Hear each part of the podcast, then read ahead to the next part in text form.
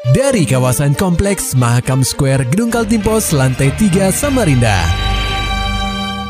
96,8 KPFM Kita akan ikuti program KP Flash News.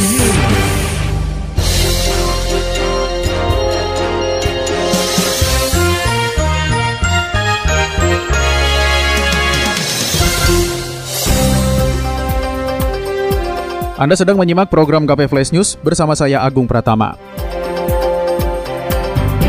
Berita Utama Pendengar KP, Koalisi Kebebasan Berekspresi menggelar konferensi pers secara daring pada Rabu 10 November 2021 terkait upaya kriminalisasi Presiden BEM KM Unmul dan pembungkaman kebebasan berekspresi imbas postingan yang menyebut Wakil Presiden RI Ma'ruf Amin sebagai patung istana.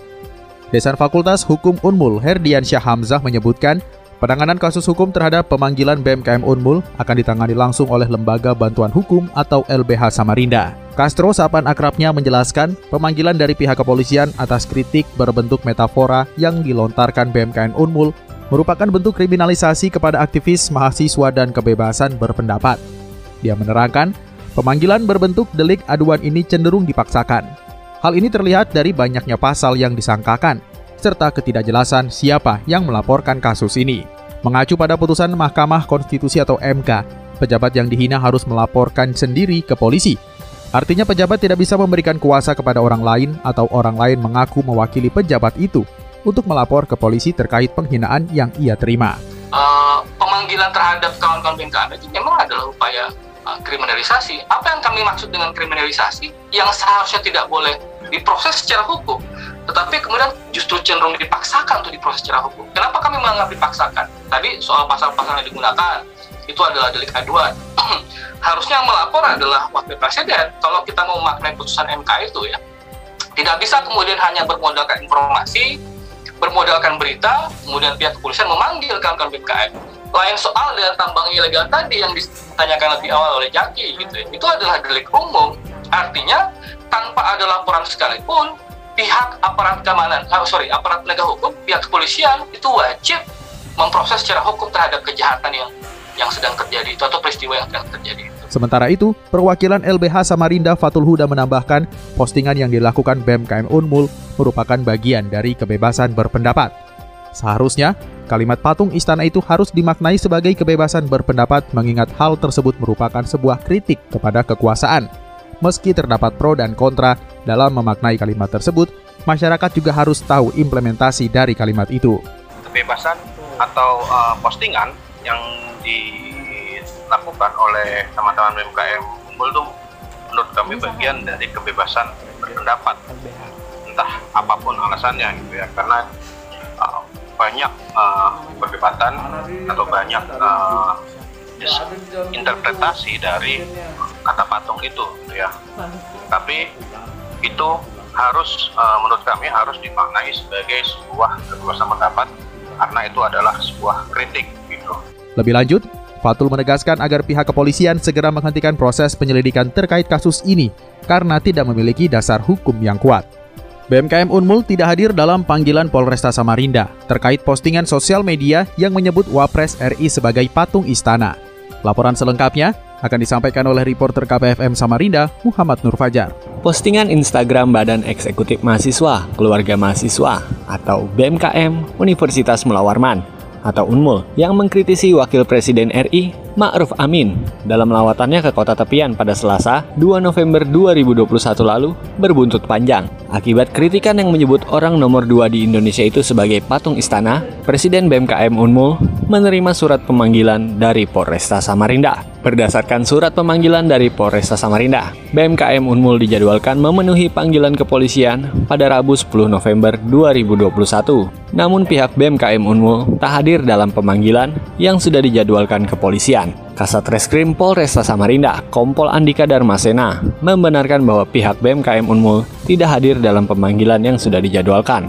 Padahal, menurut Sena, pihaknya hanya ingin meminta klarifikasi terkait maksud dari postingan yang menjadi pusat perhatian. Itu kita klarifikasi dulu kita.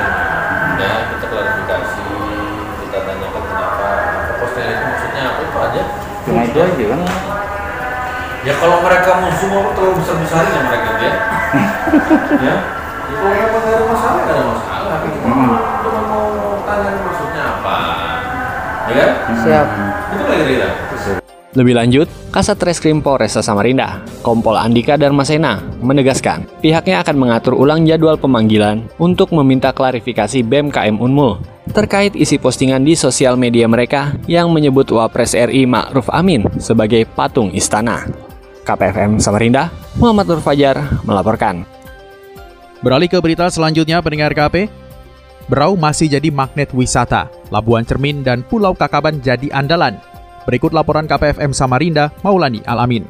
Kabupaten Berau merupakan daerah di Kaltim yang memiliki destinasi wisata alam yang cantik dan epik. Banyak wisatawan datang untuk menikmati pesona keindahan alam dan bawah laut yang dimiliki Berau. Namun di masa pandemi COVID-19, daerah yang dijuluki bumi bati wakal itu minim pengunjung. Kepala Dinas Kebudayaan dan Pariwisata Berau Masrani mengatakan bahwa saat ini Berau telah siap menerima kunjungan wisatawan. Destinasi wisata yang paling digemari di Berau adalah Pulau Kakaban dan Labuan Cermin di Kecamatan Biduk-Biduk. Maupun rata-rata naik signifikan 100 sampai 200 persen. Yang dikunjungi adalah Berawang, Maratua, Labuan Cermin. Tapi untuk mancanegara yang rata-rata Maratua dan Berawang di daerah selatan uh, Labuan Cermin atau Buara Selatan. Di sisi lain, Mas Rani meyakinkan masyarakat kalau destinasi wisata di wilayahnya telah menerapkan protokol kesehatan. Pengelola objek wisata mulai dari resort hingga restoran sudah banyak yang mengantongi sertifikat CHSE. KPFM Samarinda, Maulani Al-Amin melaporkan. Sementara itu UMKM di Kaltim diharapkan bisa menembus pasar ekspor. Lidi nipah jadi salah satu komoditas yang bisa merambah pasar lebih luas. Kepala Kantor Perwakilan Bank Indonesia Provinsi Kaltim Tutuk Cahyono mengatakan, provinsi ini harus memiliki sektor unggulan yang tidak dimiliki daerah lain. Lidi nipah dan lidi sawit jadi salah satunya. Terlebih, sektor padat karya ini dapat memberdayakan masyarakat. Kita mendorong bagaimana kekuatannya sudah kita punya, pasar ekspor kita juga punya. Bagaimana kita bukan korporatisasi pertemuan kelembagaan, kita kuatkan dengan membentuk forum komunikasi pada saat ini. Forum komunikasi pengusaha lini lima dan sawit dan itu tersebar di seluruh kota kabupaten sebagai besar kota kabupaten Indonesia ya. Di lokasi yang sama, Wakil Gubernur Kaltim Hadi Mulyadi menyebutkan bahwa saat ini Pemprov sedang memfasilitasi agar UMKM bisa melakukan ekspor.